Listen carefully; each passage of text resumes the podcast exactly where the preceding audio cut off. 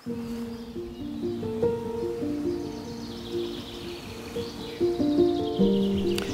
leuk dat je luistert naar de podcast van de Sacred Sex Academy. Mijn naam is Judith Bruin en vandaag gaan we het hebben over het verschil in verlangen en wat je daar dan aan kunt doen. Dus bijna in elke relatie zijn seksuele uh, verlangens verschillend. Ze zijn ook heel persoonlijk. Um, en wat ik toch nog vaak um, hoor, uh, is dat mensen graag willen terug naar vroeger, zeg maar. En dat je beide spontaan op hetzelfde moment zin had in seks. En uh, dan moet ik je een beetje teleurstellen. Uh, dat is denk ik een beetje een utopie, omdat je dan te maken hebt met verliefdheid.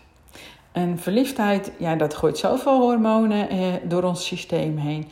En uh, het, dat is ook nodig. Aan het begin van een relatie is die symbiose, die symbio, die, hmm, ik kan het even niet uitspreken.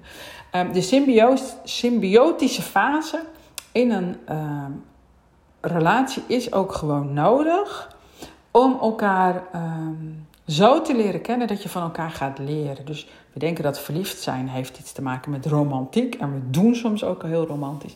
Eigenlijk heeft het te maken met dat je van elkaar gaat leren. En dus op een gegeven moment heb je ook een soort van genoeg geleerd. En, uh, of in ieder geval voor dat moment.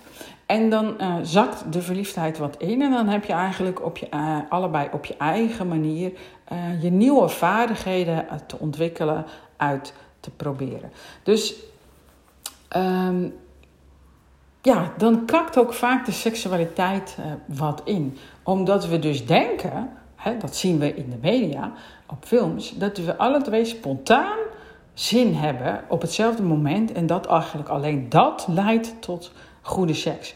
Nou, en dan, um, dan is dat natuurlijk niet meer zo. Dus bij de meesten is dat niet zo.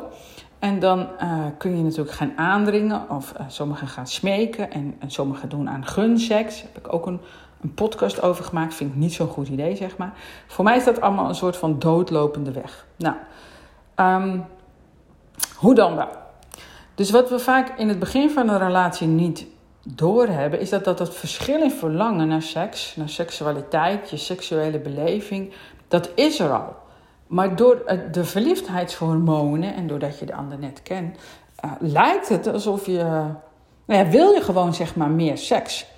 Uh, de meeste. En uh, dus het lijkt alsof het hetzelfde is.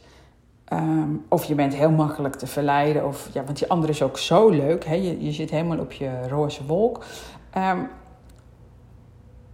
maar, dat, maar dat verschil in verlangen is er dus eigenlijk altijd al geweest. En iedereen beleeft zijn, zijn of haar seksualiteit op een eigen wijze. En grofweg kun je dat dan op drie manieren indelen. Sommige mensen ervaren seks vooral vanuit hun bekken. En dat noem je dan lust. Anderen hebben seks juist liever vanuit hun hart. En dan ervaar je liefde. En uh, sommigen beleven seks meer vanuit het hoofd, maar niet vanuit het denken, maar meer vanuit een, een vorm van begeestering. En dat koppelen we ook wel eens aan spirituele seks. Maar spirituele seks is voor mij ook iets anders. Daar heb ik ook een podcast over gemaakt, kun je ook nog even luisteren.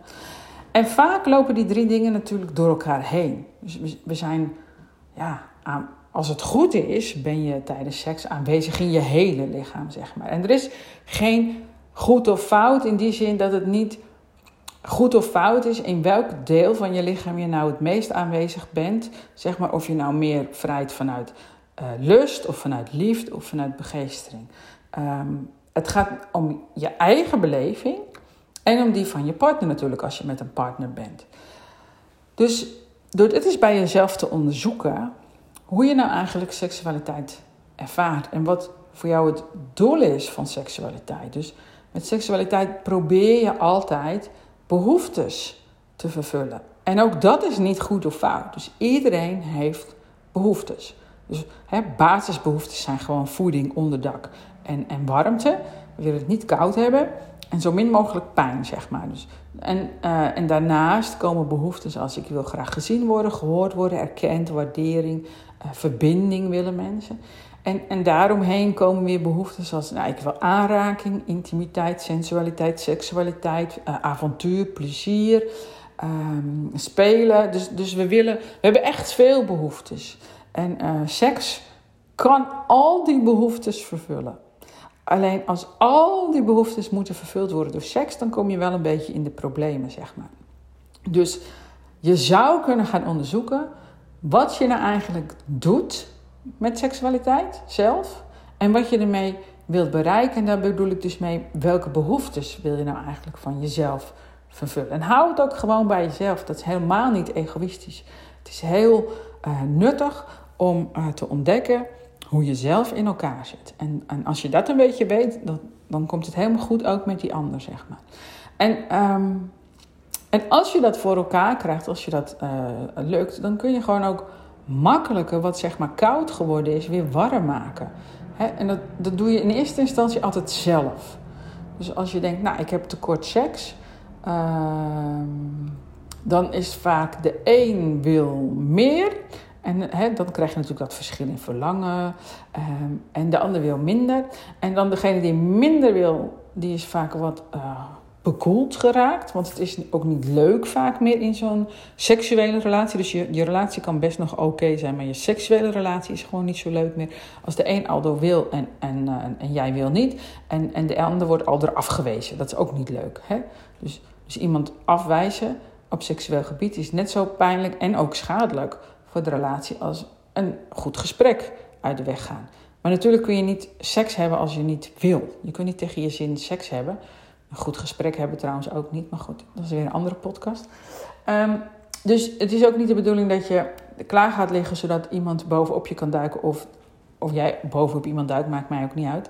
Um, maar wat je wel kan doen, als, jij, uh, als je verlangen gewoon minder is geworden door de situatie in je relatie, dan bekoelt het allemaal wat. En dan heb je eigenlijk jezelf weer warm te maken. Dat, dat heb je echt, dat is je, je eigen taak. Dus je kunt zeggen, ja, uh, hij moet, of hij of zij hè, moet gewoon niet zoveel van mij vragen en uh, moet een beetje rekening met mij houden. Dat, dat is ook waar natuurlijk. Hè? Dus je moet rekening houden met elkaar, dus daar gaat het niet om. Daar kom ik zo op terug. Um, en tegelijkertijd is het ook gewoon belangrijk dat je seksuele energie vrij door je heen stroomt. Vrij en, en vrijwillig begrensd. En met seksuele energie kun je dan seks hebben, maar je kunt ook alle andere dingen in je leven ermee doen. Hè? Dus je doet alles wat je doet, is aangedreven door je seksuele energie.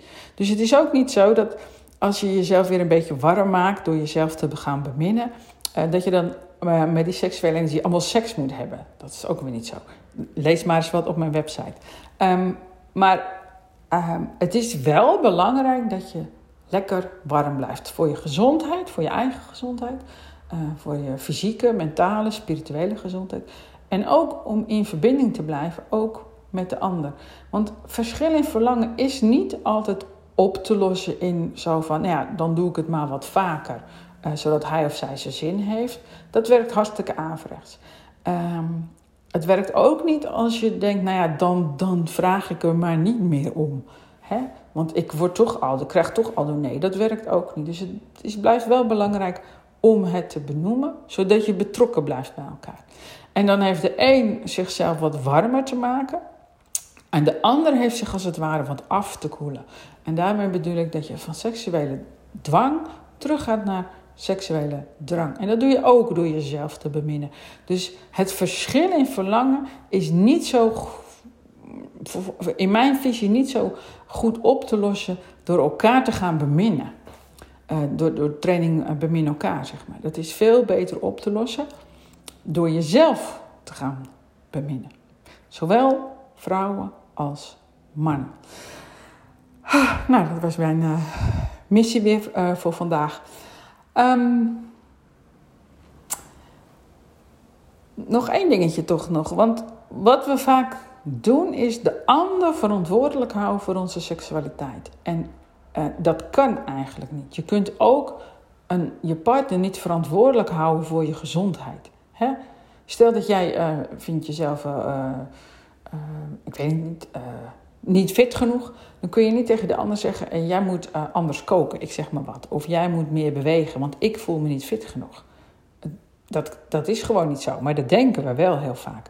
Dus, oh nee, dat, dat denken we niet heel vaak, sorry. Um, we houden de ander uh, heel vaak verantwoordelijk voor onze seksuele relatie, voor onze seksualiteit eigenlijk. En daarmee leggen we, leg je heel veel bij de ander neer, dat geeft druk. Um, maar je legt ook je geluk bij die ander neer. Dus seksualiteit is wel degelijk iets van je eigen. En als je dat niet realiseert, zeg maar, dan is de kans groot dat je of gaat eisen, of gaat verwijten, of gaat uh, kleineren. En dat je verlangens omslaan in begeerte. Dus dan is de seksuele drang wordt een dwang en dan uh, ga je iemand begeren en dan zet je druk op die ander. En dat is heel uh, destructief. En daar komt bij dat als je dat doet, als je die druk opvoert in een, seksuele, in een, in een relatie, in een seksuele relatie, dan uh, ontwikkelt die ander heel makkelijk een, een, een, seksallergie, noem ik dat altijd maar. Dus, dus best wel veel vrouwen uh, hebben een seksallergie ontwikkeld. En daarmee bedoel ik dat elke seksuele toenadering die wordt afgeweerd en uh, ja, je partner die rent nog net niet gillig, gillend bij je weg. Um, en dat is helemaal niet wat je wil natuurlijk. Dus ook zo'n seksallergie, dat heeft een reden. Dus je bent te vaak over je grenzen heen gegaan. En je kunt niet van je partner verwachten dat die jouw grenzen als het ware gaat repareren. Of ze gaat bewaken. Dat heb je zelf te doen. En dat is helemaal niet ingewikkeld. Je hebt alleen maar jezelf te leren beminnen. Dus het verschil in verlangen is geen 1, 2, 3'tje wat je zomaar oplost. Um, je lost het ook vaak niet samen op, daar ben je vast al achter gekomen. Erover praten uh, lost het verschil in verlangen niet op, maar houdt je wel uh, betrokken bij elkaar. En de oplossing is jezelf beminnen. Dus bedankt voor het luisteren. Je kunt ook nog even naar de YouTube-filmpjes kijken of uh, een gratis webinar volgen. Ga dan naar de website secretsex.nl en dan zie ik je misschien wel verschijnen. Bemin jezelf en bemin elkaar.